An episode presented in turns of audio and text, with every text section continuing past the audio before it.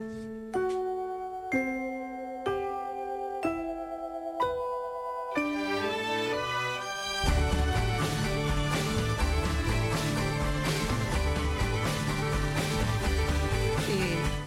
continuamos?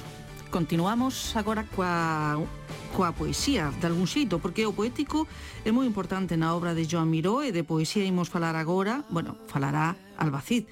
No comentario no que cada 15 días atende algunhas das novidades do mundo da poesía. Moi bo día, Alba. Hola, bo día, Ana. Que tal? Os, Hoxe traes para comentar Xelarias, Palabra intemperie, un diálogo poético e visual asinado por Emma Pedreira e Laura Romero e abrimos así con propostas diversas o ano Xela Arias, reedicións, proxectos, en diálogo coa súa obra. Como, como podemos, Alba, explicar este artefacto? Que é, que non é? Claro, era ben chamarlle artefacto, diría eu, non? É ben comezar por aquí. Trátase dunha conversa a tres voces, dun obxecto que me parece tan atípico como coherente, e digo coherente porque o que fai é optar por linguaxes que Xela Arias sentiría como propias. E opta pola colaxe, opta polo verso, e con todo iso vai revisando as dimensións da autora e da creadora. A nota de Enma Pedreira que abre o libro, as palabras de Enma Pedreira son moi reveladoras a este respecto, porque por unha banda ofrecennos a memoria do seu primeiro contacto coa autora, cando descobre Darío a diario, tamén nos ofrece unha xeneroxía persoal de poetas escuras, reviradas e contestatarias para ela, e tamén acaban recoñecendo como un pórtico libro o que quere facer. Entón, precisamente, vou lervos aquí dúas liñas eh, que presentan moi ben a proposta. Non quero facer unha biografía ao uso. Quero falar dunha poeta que podería ser outra, que podería ser até eu mesma e non. É xela e eu con xela, ou xela en min. E por aí ando, ando debullando íntimo dos seus versos nos meus. Eh, en suma, é unha obra inusual que penso que é unha moi boa apertura para este ano de publicacións de Xela e que procura tirar precisamente do fío da Xela múltiple transgresora. Eh, é unha proposta breve, tamén compre dicilo, pero é capaz de desafiar, non de abrir moitos horizontes. Uh -huh.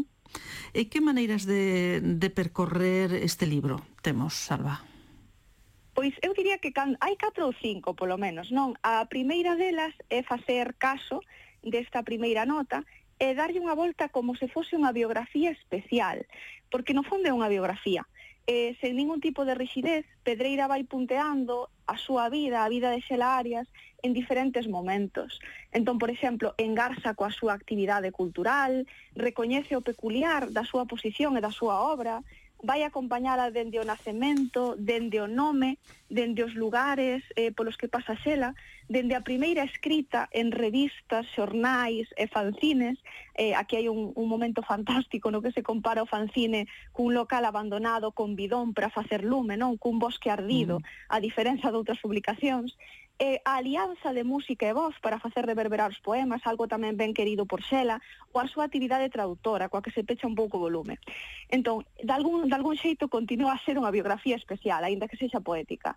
En segundo lugar, poderíamos percorrer o libro co desexo de testar a pervivencia de Xela Arias, ou a herdanza, non? A pegada que deixa, eh, dado que no fondo temos a unha poeta dos 90 lendo a outro poeta, non? Entón, como é lida Xela por certas poetas, cal cal é a súa relevancia, é a súa visión da maternidade o que máis impacta. Eh, Pedreira aquí tamén aborda outro xogo, que é o de contaminarse coa súa proposta poética, coa proposta poética de, de Xela, ou de ir replicándoa de algún xeito.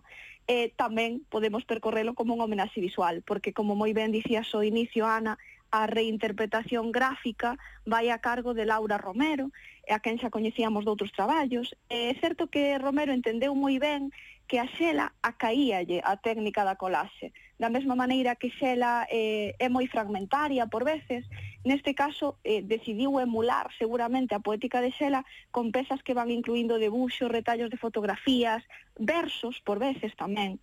E, por último, tamén penso que se pode percorrer como un libro de actividades, porque um, hai partes, non? Hai chiscadelas de ollos suficientes, hai páxinas concibidas para seren escritas, para seren dobradas, recortadas, pegadas. De algunha maneira preténdese que cada lectora ou que cada lector poida ser case a cuarta voz en diálogo, non? Temos a voz de Xela, temos a voz de las dúas, non? De ilustradora e de autora, pero tamén entra, entraría facilmente a voz daquela persoa que sostén este libro nas mans. E como funciona Alba, ese tecido de voces? Pois eu aquí, sobre todo, repararía en dous aspectos. En primeiro lugar, penso que a peneira de versos, e non só versos, porque tamén hai declaracións de Xela, é unha peneira hábil, é, é sutil, non?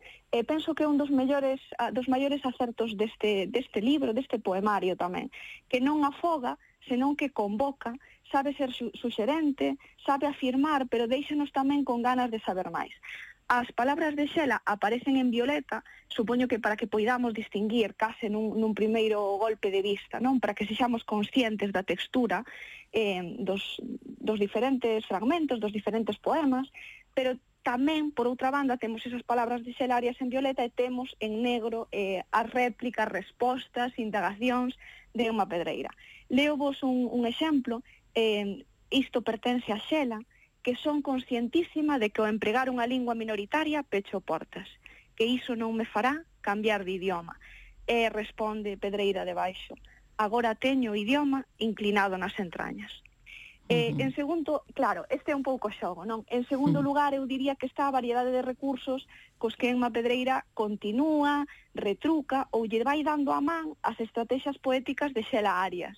E para isto, pois indaga, enfía moitas interrogacións retóricas, eh, péchase o libro con cal sería a mellor maneira de despedir unha poeta, cunha parte dedicada a, a reflexión sobre a actividade traductora de Xela e sobre os seus intereses, Emprega por veces prosa poética, por suposto, e outras quere facernos conscientes do xogo de espellos, diría eu, non?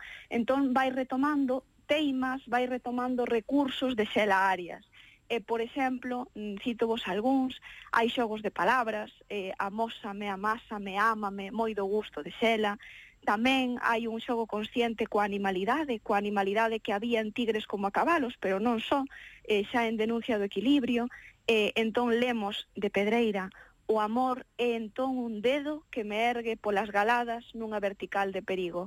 Ti es o cabo e a punta do anzol. Tamén xoga coa fragmentación, eh, que a propia pedreira practica lembrando que a lingua non ten osos para poder rompela, non ten espiñas, non ten cartílago, e que realmente é moito o que podemos facer aquí, non é, é moi grande o, o terreo de experimentación.